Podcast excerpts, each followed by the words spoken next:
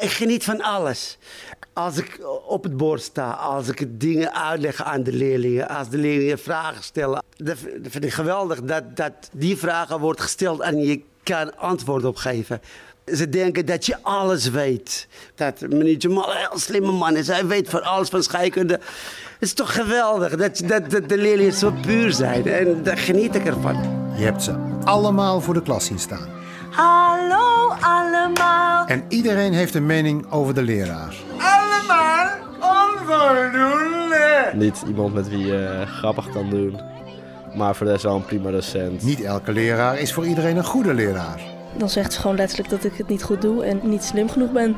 Dat je niet slim genoeg bent. Ja, dat ik niet slim genoeg ben. Dat zegt ze tegen jou in de les. Ja, dat zegt ze in de les. De afgelopen jaren is de rol van de leraar enorm veranderd. Moet je je handen uitsteken en sloeg je met een lineaaltje op. Wat is het mysterie van de goede leraar? Dat je kunt zeggen, van, nou, ik kan iets overbrengen, mensen luisteren naar me en zo. En ik kan ook af en toe een beetje streng zijn. Dat moet je ook leren, streng zijn. Want dan vind je, vind je- is het niet leuk boos worden. Word je als leraar geboren? Als we ergens naartoe moesten, of er moest iets voorgedragen worden, of er was een feest van opa en oma, of moest iets gedaan worden, Marcel stond voorop. Wanneer weet je dat je leraar bent? De leermeester is naast onbaatzuchtig, grootmoedig als het kan en genadeloos als het moet. Moeten kinderen leren presteren of vooral gelukkig worden? Ik vind wel dat, dat je in ieder geval de taal machtig bent. Dat je, je woordenschat gewoon echt op orde is. Want dat heb je gewoon nodig. Ik vind dat wel een van de dingen waar, eh, waar, we, ja, waar we mee bezig moeten zijn. Mijn naam is Marcel van Herpen. Ik ben van oorsprong leraar. Ik begeleid trajecten en geef lezingen en masterclasses aan leraren en schoolleiders. In deze podcastserie ga ik op zoek naar wat een leraar nou een goede leraar maakt. Fijn dat je luistert naar Het Mysterie van de Goede Leraar. In de vorige afleveringen hebben we gekeken naar hoe je leraar wordt, wanneer en waarom. Maar hoe word je eigenlijk een goede leraar?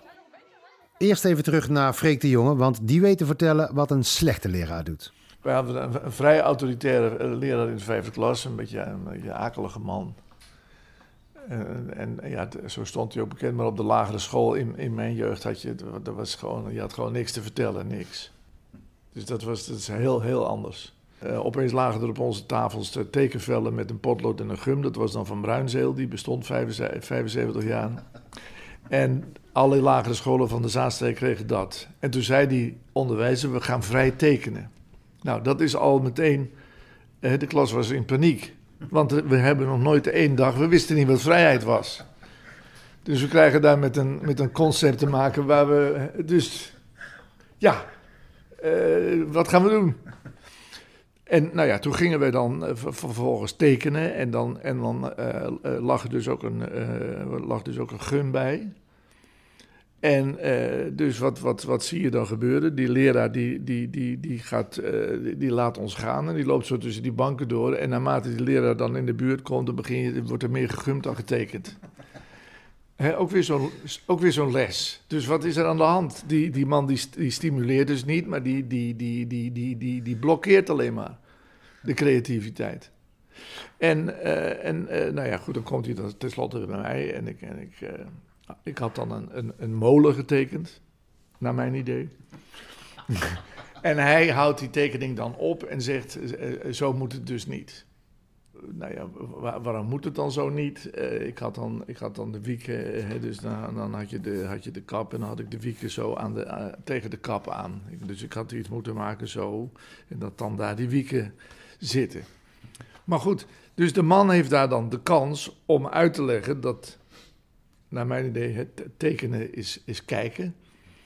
En, eh, en kijken, is, eh, kijken is zien. En zien is eh, leven. Dan heb je een, een, een, een mogelijkheid, maar als, dat, als die vrijheid er niet is, als die voorwaarde er niet is, als, die, als dat inzicht bij de leraar er niet is, dan, dan, dan verspil je dus oh ja, een, een enorme hoop tijd. Maar, maar goed, we hebben, niet, we hebben niet zoveel van God gegeven leraren. Eh, ik, weet zelfs, ik zou zelfs niet weten of ze er nu zijn. Hè? Echt, echt waar, waar kinderen zich nog helemaal aan, aan kunnen. Ja, tuurlijk. Het kan ook niet anders.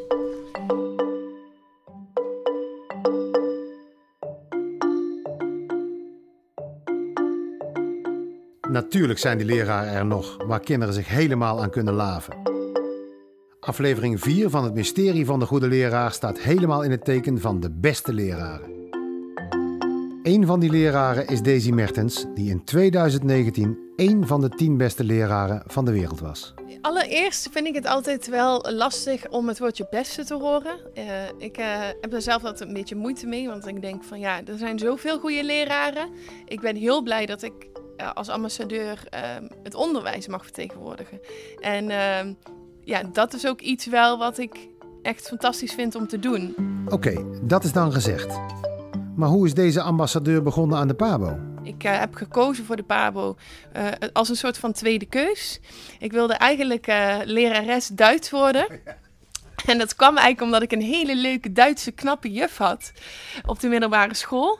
Marlie de Haas heet ze. En ik vond haar zo leuk dat ik dacht, nou, dat wil ik nou ook gewoon een leuke juf zijn. Nou, maar je zegt, het was een mooie juf. Wil, wil je nou een mooie juf zijn of was er nog iets meer aan het ontdekken? Nee, ja, ze was gewoon een mooie verschijning en ze legde goed uit. En uh, die, die instructie was leuk, ze was fijn. Uh, ze was gewoon niet streng, uh, maar ook weer heel positief. Dus uh, haar persoonlijkheid sprak mij ook gewoon aan. En um, nou ja, toen uh, stond ik uiteindelijk ja, iets van een 5,6 of zo op mijn eindlijst voor Duits. En dacht ik, nou, dat lijkt me niet echt een goede basis om Duits te gaan geven.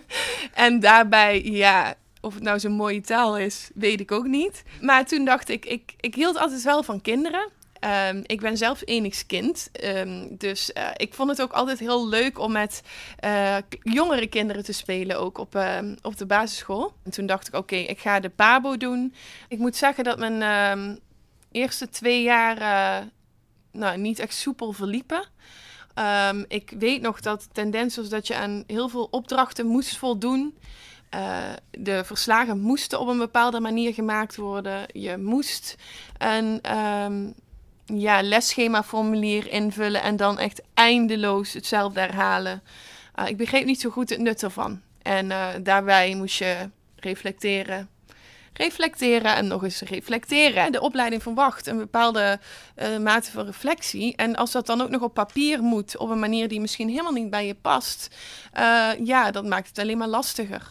Dus begrijp ik het goed dat we hier met de bijna beste leraar van de wereld spreken. Waarbij onderwijs in het basisonderwijs tweede keus was met een slechte start op de PABO.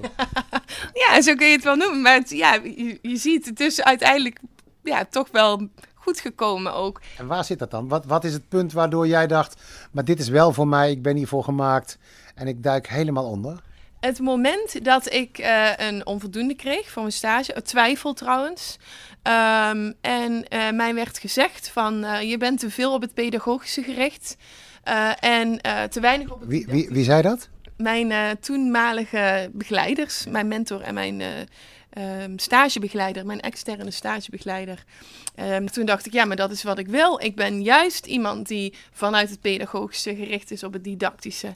Ik vind het gewoon belangrijk om eerst het kind te zien. Een kind kan s morgens binnenkomen en al heel veel aan zijn hoofd hebben, omdat hij voor zijn broodje heeft moeten zorgen, die uit bed heeft moeten halen, zijn vader in de nachtdienst zit. En als je dan binnenkomt in de klas, uh, je hoofd al vol zit en je niet, eigenlijk niet eens eens uh, informatie binnen kan laten komen en die instructie niet goed kan volgen, dan ja, hoe kan je dan openstaan om te leren? Dus uh, belangrijk is dat ik, ik ben gewoon steeds gericht op van um, hoe kan je ervoor zorgen dat een kind open staat om te leren en gemotiveerd is om, om te willen leren. En um, dat begint bij een, ja, gewoon het kind zien, maar ook uh, het kind het gevoel te geven dat hij erbij hoort. Ja, maar dat zeg je nu na al je ervaringen, dat begrijp ja. ik. Um, maar je was in dat tweede jaar, 16, 17, begin 18. Mm. En er is toch een moment geweest dat je dacht, maar dit, dit wil ik echt. Had je deze houding of mentaliteit al? Nee. Nee, dat kwam wel eigenlijk door een, mijn voorbeeldmentor, uh, waar ik toen uh, vervolgens uh, stage bij ging lopen. De manier waarop zij omging met kinderen was echt, daarom was ze echt een voorbeeld voor mij. Ik zal even een stapje terug doen, want ik, ik ging de stage lopen op, op die school waar zij mijn mentor werd. En van tevoren heb ik eerlijk gezegd wel moeten huilen toen ik hoorde dat ik naar die school ging. Het was de enige multiculturele school in Venray. Ik kom zelf in een dorp. En, Waarom moest je huilen? Omdat, uh, ja, toen in die tijd um, ik alleen maar gewend was aan blanke kinderen. En met blanke kinderen in de klas te zitten. En uh, de multiculturele wereld. En de wijk waarin ik dus uiteindelijk stage ging lopen, was gewoon een andere wereld. Dat was voor mij zo onbekend. En, en de verhalen die je dan hoort in zo'n dorp van die wijk, ja, alsof het de ghetto is, daar wil je niet zijn. Dus je huilde uit angst? Ik huilde ja, uit angst en ook wel onzekerheid van ik weet niet wat er komen gaat en wat, wat me staat te gebeuren. Uh, toen zei mijn moeder tegen mij, schat, ga het gewoon proberen en je ziet het wel. En misschien vind je het wel hartstikke leuk. Ga er maar gewoon heen en doe het. En dat heb ik gedaan. Toen kreeg ik allereerst een hele leuke mentor. En ik ervaarde ook wel na een aantal dagen al van deze kinderen hebben uh, meer nodig dan uh, ja, de, de, kinderen waar ik altijd bij in de klas heb gezeten. Die hebben het al supergoed. En deze kinderen die um, ja, hebben een andere basis nodig. Die hebben niet per se het zelfvertrouwen vanuit thuis meegekregen. Je had daar een soort van oordeel, uiteraard, hè? want je, ja. je kende die wereld niet zoals je dat zegt.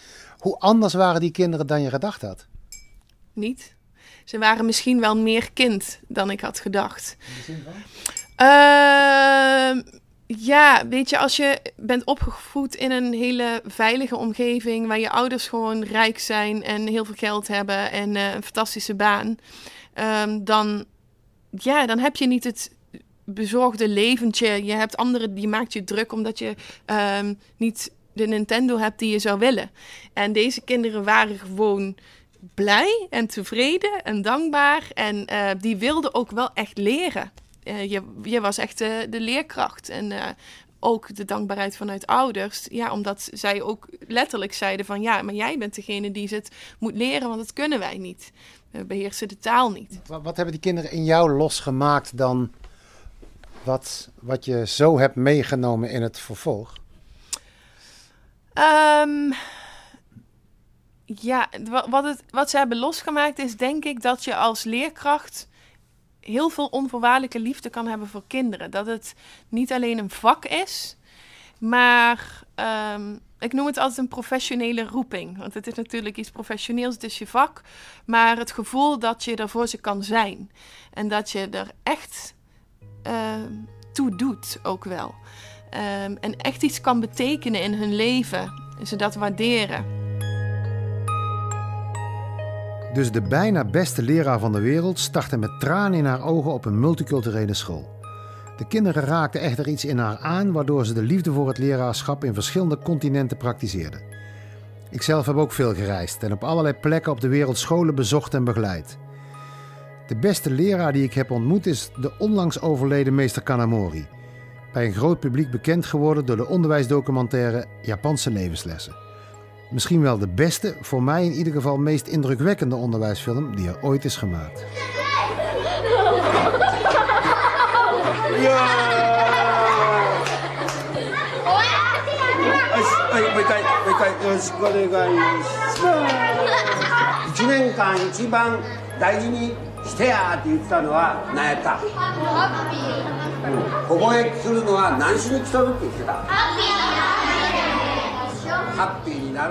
Happy, het enige woord dat ik verstond. Meester Kanamori vertelt zijn leerlingen op de eerste dag dat ze naar school komen om gelukkig te worden. Ik zocht hem op in Japan en velen hebben hem later in Nederland nog kunnen ontmoeten. Zijn dood bracht nogal wat teweeg in Japan. Ik skypte over deze fenomenale meester met zijn vriend Naoto Tsutsi. Mako Takedo vertaalt. まあそれはだから先ほどもちょっと 先ほどの質問とも関係してくると思うんですけど。 Natuurlijk, het was een uh, heel groot invloed hè? in Japan ook. En heel veel mensen was geraakt. En um, Nationaal Televisie heeft dan speciale uitzendingen gemaakt om uh, zijn werk weer uh, terug te kijken. En dan ook klanten, niet alleen lokale, maar ook landelijke kranten, had een groot artikel geschreven over meester Kanamori.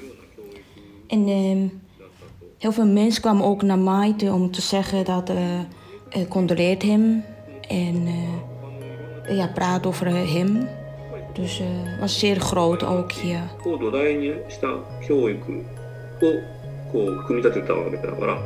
Een leraar die op de nationale televisie herdacht wordt. Ik kan het mij in Nederland niet herinneren. Meester Kanamori sprak niet over lessen, maar over levenslessen. Hij had één motto: Als één kind niet gelukkig is, is niemand gelukkig. Daarmee ging hij met de kinderen aan het werk, waarbij ze voor zichzelf op moesten komen en voor anderen, tegelijkertijd. Meester Kanamori vond het allerbelangrijkste dat kinderen schijnen, stralen, stralen van geluk. Ik heb al eerder gehad over ehm, die schijn van kind. Die was dan een belangrijk thema voor meester Kanamori geweest. En voor hem, eh, wat belangrijk was in onderwijs, is eh, niet zozeer academisch prestatie of eh, regels te houden, maar dat kinderen kunnen schijnen. Die gaan niet de schijn verloren. Dat was dan belangrijk. Dus eh, ook in de vak zoals taal of rekenen had hij altijd die eh, les gerelateerd tot de leven. Bijvoorbeeld eh, een kanji leren. Kanji is dan een Chinees karakter dat wij gebruiken in Japanse tekenen. Hij maakte verhaal over het die leven van die kanji, hoe dit ontstaan en hoe heeft hij ontwikkeld. In zijn les was er altijd die eh, aspect van eh, leven. Zo had hij altijd eh, kinderen geleerd. Dus voor hem was dan leven is dat de schijn van kinderen of dan van de mensen. Dat wilde hij, probeerde hij te beschermen. Daarom was zijn les levensles was genoemd. En eh, dat hanteerde hij ook in de les. 何回もありましただからそういう意味ではすごくこう先生が亡くなられたってことは皆さん驚かれてました Wie ook mensen wil laten stralen is Hamma Jamal. Hij werd verkozen tot een van de beste mentoren van Nederland. Hamma is een Koerdische man met zijn gezin gevlucht uit Irak en nu docent scheikunde.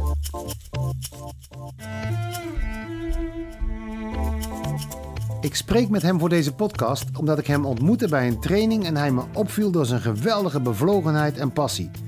Hij schijnt ook, straalt en dat is besmettelijk. Ik was in Irak, had ik eigen bedrijf en zat ik ook in de politiek actief. Maar ik ging ook s'avonds lesgeven op, op, op eh, avondscholen. Vond ik leuk, vond ik prachtig. Ik weet niet waarom. En ze zeggen, de leerlingen, de, mijn kinderen, mijn oudste kind heeft eh, een goede baan bij Eiffel. En mijn dochter werkt bij de bank, is ook eh heel goede baan. Ze volgens mij meer salaris dan ik. En mijn andere zoon studeert HBO. Eh, zeggen ze, maar pap, leraar en met, elke dag met de kinderen en dingen. Ik zeg, ik zeg altijd, ook tegen mijn leerlingen, als ik nog keuze heb, stel je voor dat ik terug ga naar 20 jaar, als ik 20 of 22 jaar ben, maak keuze, maak ik weer keuze voor onderwijs. Vind ik het zo leuk. Vind ik echt prachtig. Elke dag geniet ik ervan. Natuurlijk zijn dat momenten dat je dat je verdrietig wordt van iets dat je ziet of, of, of teleurgesteld van bepaalde dingen. Maar Waar, waar geniet je zo van dan? als ik, nou weet je, eh, ik geniet van alles. Als ik op het bord sta, als ik dingen uitleg aan de leerlingen, als de leerlingen vragen stellen, als de leerlingen zeggen. En de, leerlingen zijn heel, heel schoon, hè? ze zijn puur, hè? ze vragen ook pure dingen, dat ze echt graag willen weten. En eh, dat vind ik geweldig dat, dat die vragen wordt gesteld en je kan antwoord op geven. Tenminste, probeer je antwoord op te geven. En ze, weten, ze denken dat je alles weet. Bijvoorbeeld ze denken eh, dat meneer Jamal een heel slimme man is. Hij weet van alles van scheikunde. Het is toch geweldig dat, dat, de leerlingen zo puur zijn. En daar geniet ik ervan. En ook, ik ben in mijn, mijn- maatschappij bezig. Ik kan dingen meegeven. Ik hoor dingen van de nieuws. Dat kan ik meenemen in mijn les, eerste vijf minuten. Eh, Dat kan je niet bij anderen. Als je in een bedrijf werkt, eh, ga je dingen doen en dan ga je naar huis. En dat is ja, onderwijs zit heel veel andere elementen in. Die maakt het extra leuk. En ben je nooit klaar. Dit eerste eh, vier, vijf, zes jaar heb jij een groep. Die groep gaat weg. Komt een andere groep. Dus jij bent steeds aan het opvoeden. En jezelf ontwikkelen. Ik heb bijvoorbeeld eh, cursus coaching gedaan. Hoe coach je, me, eh, je, eh, collega's? Hoe coach je nieuwe studenten? Cursus assessoren gedaan, cursus dat. Blijf je ontwikkelen op allerlei gebieden. Hamad Jamal is met zijn gezin gevlucht uit Irak. Het was enorm ingewikkeld om met drie kleine kinderen in Nederland te komen. In die bizarre reis is zijn middelste kind van drie verongelukt. Een trauma waardoor zijn vrouw en hij de kracht van de liefde nog meer ervaren hebben. Misschien heeft het ook daarmee te maken dat ik, dat ik gewoon zoveel van mijn kind hou, houd en van mijn kinderen ook. Ik denk dat elke, alle ouders houden van hun kinderen. Maar misschien is het bij ons extreem. Daardoor hou ik ook heel veel van, van, de, van de kinderen op school. En daar kijk ik ook elke keer ook terug. Zeg ik, luister, we stellen voor dat, dat mijn kind in de, in de klas zit. En dat wil toch iets van jou horen. En ik hoor van mijn kinderen ook dat ze over de docenten praten. Ah, die vinden wij geweldig, die vinden wij leuk. En die, die, die- als docent heeft, heeft mij, hij, mij sowieso in beweging gebracht. Eigenlijk zeg je dus dat, dat de kinderen in je klas, daar kijk je naar alsof het je eigen kinderen zijn. Absoluut. En zeker, zeker. En, en- en, en ook, het is heel raar. Ik, eh, als, en dat vinden de kinderen hebben heel snel door. Hè. Soms word ik ook echt boos op de leerlingen. Ja, maar ik zeg er ook in het begin van het jaar: zeg, ik, als ik boos ben op, je, op jou, ben ik niet boos echt op jou. Ik ben op dat moment boos op je gedrag. Dat je bepaalde gedrag vertoont dat, dat, dat ik niet leuk vind. Maar het heeft niks met persoon te maken. Dus op dat moment dat, dat zo'n leerling weggaat, zeg ik, hi, dag eh, Kees. En eh, volgende keer ook weer. En dan ben ik ook weer vergeten. En dat hebben ze heel snel door. Ah, misschien in hun hoofd, ja, meneer Jamal eh, heeft misschien een beetje hekel aan mij. Maar daar hebben ze heel snel door dat niet zo is. En dat, dat, dat, dat maakt binding met de leerling. Dat vind ik wel belangrijk. Dat de binding zo groot wordt dat dat niet meer stuk kan gaan. Ik heb een leerling hier, eh, Rens. Echt, misschien tientallen keren per les corrigeer ik hem. Maar ook soms keihard. Zet ik hem aan het werk en... Maar hij respecteert, accepteert en hij weet dat, dat ik voor hem sta. En dat vind ik het belangrijkste. En hoe doe je dat? Ja, weet ik ook niet. Ja, hoe doe je dat? Hoe doe je dat? Ja. Ik denk dat, eh, ik denk dat, dat, eh, dat eh, eerlijkheid, hè? dat je echt oprecht eerlijk bent. Hè? Oprecht. Want ik ben een persoon dat ik, eh, ook als ik ook boos ben, hè, eh, wordt geaccepteerd. Want ze weten dat vaak terecht is. En leg het uit waarom ik boos was. En die oprechte en eerlijk, niet fake doen, niet, niet doen alsof. Je, je moet je, jezelf zijn. Natuurlijk, bepaalde rol moet je spelen, af en toe als professional. Hè? Als pedagoog, als professional, als, als docent. Maar wel heel erg be- be- belangrijk, oprecht, eerlijk ten opzichte van de leerlingen. Want de leerlingen komen die verwachten van jou iets. Die, die, die komen met heel veel verwachtingen. En ze zien jou als God. Ze zien jou als, als een persoon die voor de klas staat, docent. En als je iets te bieden hebt, vooral dat de leerling eigen identiteit geeft, dat hij zichzelf kan zijn, dat hij, dat hij ook kind zijn, dat hij af en toe dingen zegt dat je accepteert. Dat je niet denkt, soms zeggen ze bijvoorbeeld, u liegt. Zeg, U liegt. En dat vind ik hier niet leuk. Dat, je- dat, dat, maar dit, Je, je, je wijst naar je hart, hè? ja, ik zeg, hè, lieg. Ik lieg bijna nooit. Maar iedereen liegt wel eens. Maar, Eh, maar dan is het aan mij, hoe ga ik daarmee om? En hoe ga ik zo'n leerling corrigeren? Want op dat moment heeft de leerling behoefte aan om dat te zeggen. Maar ja, ik ben volgens mij, omdat ik natuurlijk uit een, een land kom, ook een klein beetje cultuur komt erbij.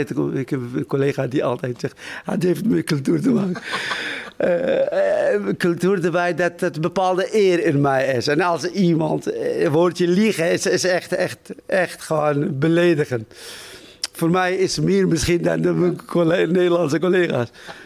Maar hoe ga ik daarmee om? Als ik op die boos word, dan, dan begrijpt de leerling niet. Waarom ben ik boos geworden? Heeft iets gezegd dat, dat voor hem waar is. Maar die is toevallig liegen. Nou, dan leg ik het uit dat dat, dat niet zo is. Of, of probeer ik even met, met hem naar hem toe te gaan. Ik zeg, ja, is, is dat handig dat je die woord gebruikt? is dat leuk? En, eh, ja, dan, dan is het praten met de leerlingen is, maakt wel interessant. Wat, wat, als je zo met de leerlingen omgaat en als je zo ja, in, de, in die open, eerlijke relatie stapt, zoals jij dat doet. ehm, weten die kinderen iets van jouw achtergrond? Of wat weten ze van jouw achtergrond? Ja, ja ik, ge- ik eh, vertel. eh, ze, ze vragen natuurlijk, ze zijn heel erg benieuwd naar. Ja, weten ze van jouw tocht hier naar Nederland? Weten ze van jouw kind dat gestorven is? Dan ga ik aan mijn mentorklas vertellen.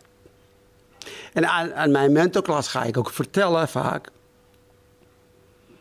dat ze in Nederland heel goed hebben. Dat, ze- dat ze niet moeilijk moeten doen over kleine dingetjes die niet hebben. Bijvoorbeeld, eh, ja, ik heb iPhone 10 niet. Eh, er, zijn, zijn geen problemen. Er zijn de kinderen die in andere landen die onder, onder oorlog opgegroeid zijn, die, die steeds onder angst opgegroeid zijn. En de leerlingen weten dat soort hier in Nederland. Wat, eh, wat maak je mee in Nederland? Dat weten ze niet. En als je dat kan op goede momenten vertellen. Ik denk dat je ook de leerlingen een beetje raakt. Doordat ze een beetje meedenken. Waarom je hier bent. Waarom een, iemand een land verlaat en gaat naar een ander land toe. Hama zorgt door zijn open en eerlijke houding dat kinderen zelf ook open en eerlijk kunnen zijn. De basis van een vertrouwensrelatie.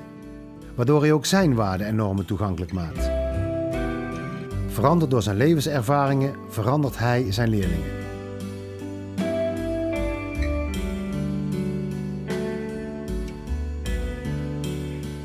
Is Daisy Mertens eigenlijk veranderd sinds ze tot bijna beste leraar van de wereld is gekozen? In de basis blijf ik daarin persoonlijk mezelf, maar ook in mijn visie op onderwijs. Die visie is ehm, toen ik net begon met werken niet anders dan nu. Dat zijn dezelfde dingen. Dat het uiteindelijk gaat om onvoorwaardelijke liefde. Dat eh, ieder mens op deze aarde eh, liefde nodig heeft en dat ook verdient. Ik vraag me af of wij als mensen altijd onvoorwaardelijk kunnen zijn. Als het iets je niet bevalt, ja, dan ga je die ander toch gewoon scheef aankijken. Of dan ben je hè, ook boos, wat er ook mag zijn. Ehm, maar echt onvoorwaardelijkheid, weet ik niet of wij dat als mens altijd ons hele leven 100% van de tijd kunnen hebben. De voorbeelden zijn dan eerder mensen die nu relateren aan de tijd van nu, zeg maar. Hè? Eh, Zo'n Nelson Mandela of eh, mensen die goed werk doen, zo'n prinses Diana. Omdat dat mensen zijn die, ja, die je nu kan observeren hoe ze nu leven. Maar dat, voor mij gaat dat over een stukje persoonlijkheid van een mens. De, eh, de voorbeelden die ik heb in mijn leven... zijn ook mensen die dus die onvoorwaardelijke liefde hebben, die kijken naar mensen die het niet breed hebben, naar mensen die ehm, kwetsbaar zijn. Ik heb vooral een wereld voor ogen waarin iedereen dus weet wat onvoorwaardelijke liefde is en dat ook voelt. En, en dat ook wel daardoor kan geven. Want er zijn nog te veel voorbeelden van mensen die verschrikkelijk vrede dingen doen in deze wereld. Eh, er zijn nog steeds terreurbewegingen, er zijn nog steeds kinderen die misbruikt worden door hun vader. Ehm, en dat ik gun gewoon iedereen dat zij die liefde voelen, zodat we, nou ja, dat is misschien wel wat idealistisch, maar ik geloof daar wel in, dat we gewoon een vredige wereld hebben. Liefde. Onvoorwaardelijke liefde. De bijna beste leraar spreekt dus met het grootste gemak over de grootste fenomenen. Maar ik herinner mij dat mijn oude meester Barte dat ook niet schuwde. Dan moeten wij grote woorden gaan gebruiken. Maar dat is gewoon de liefde voor de kinderen. Ik heb erbij zitten denken nou ook nog. Als je dus nou zegt van, wat is, wat is er nou toch mooier? Wat is er nou toch mooier dan, dan het vak van onderwijzer, van leraar, van dingen in relatie tot de kinderen.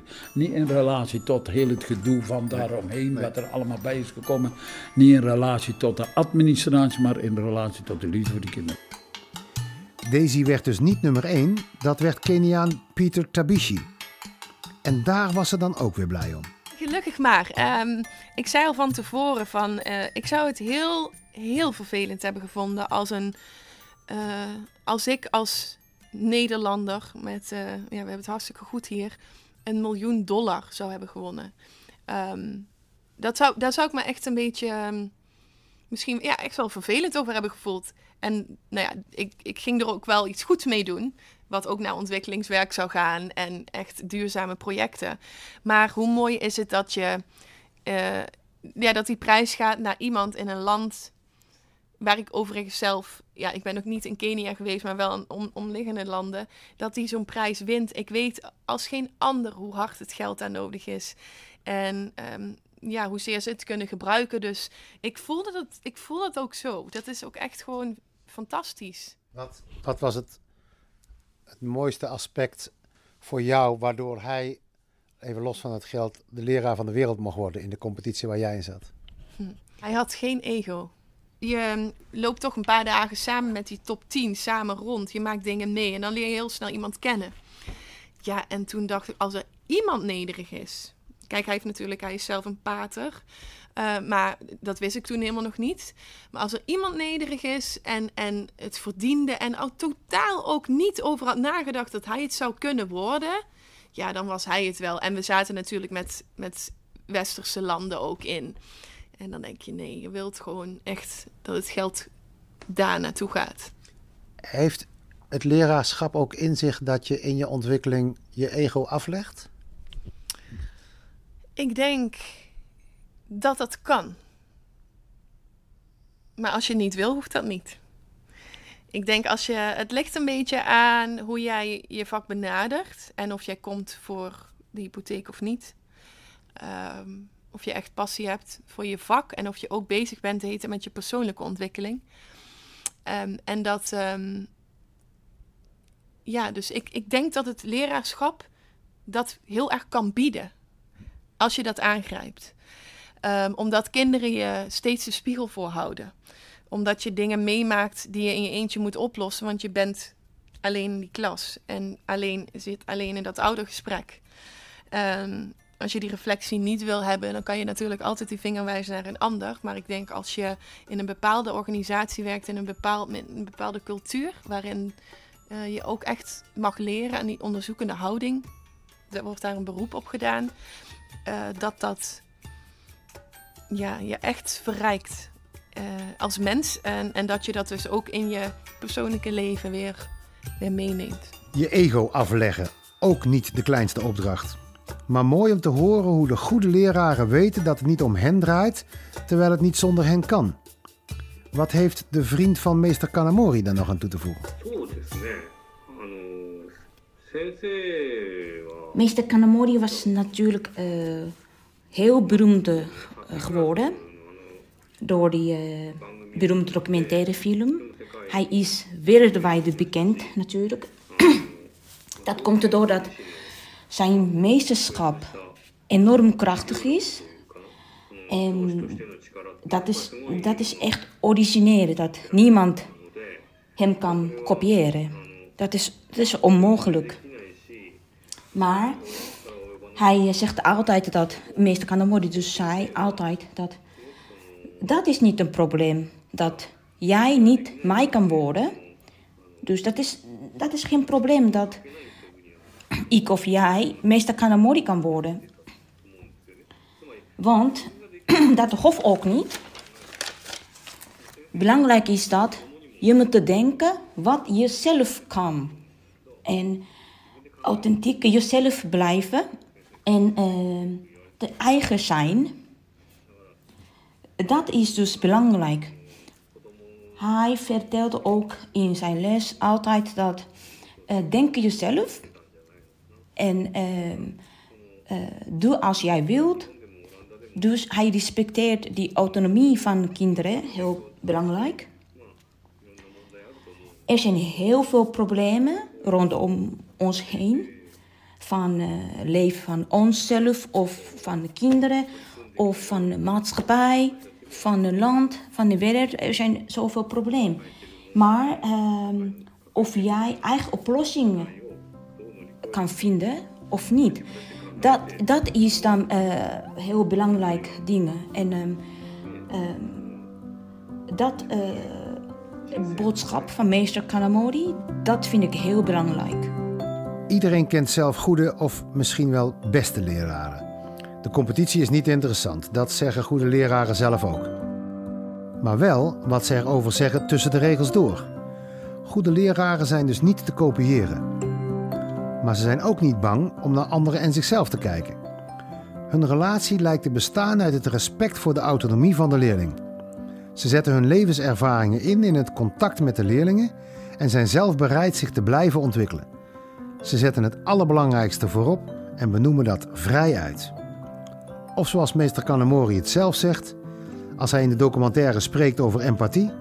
一番はやっぱり共感だろうと思うねまあ僕なんか大好きな言葉に Laat anderen in je hart leven. Daar kan altijd nog iemand bij. Als mensen echt luisteren, leven ze voor altijd voort in je そうやっ hart. て自分の心の中に人が住み着く Liefde dus. Liefde voor je leerlingen en daar komt geen ego aan te pas.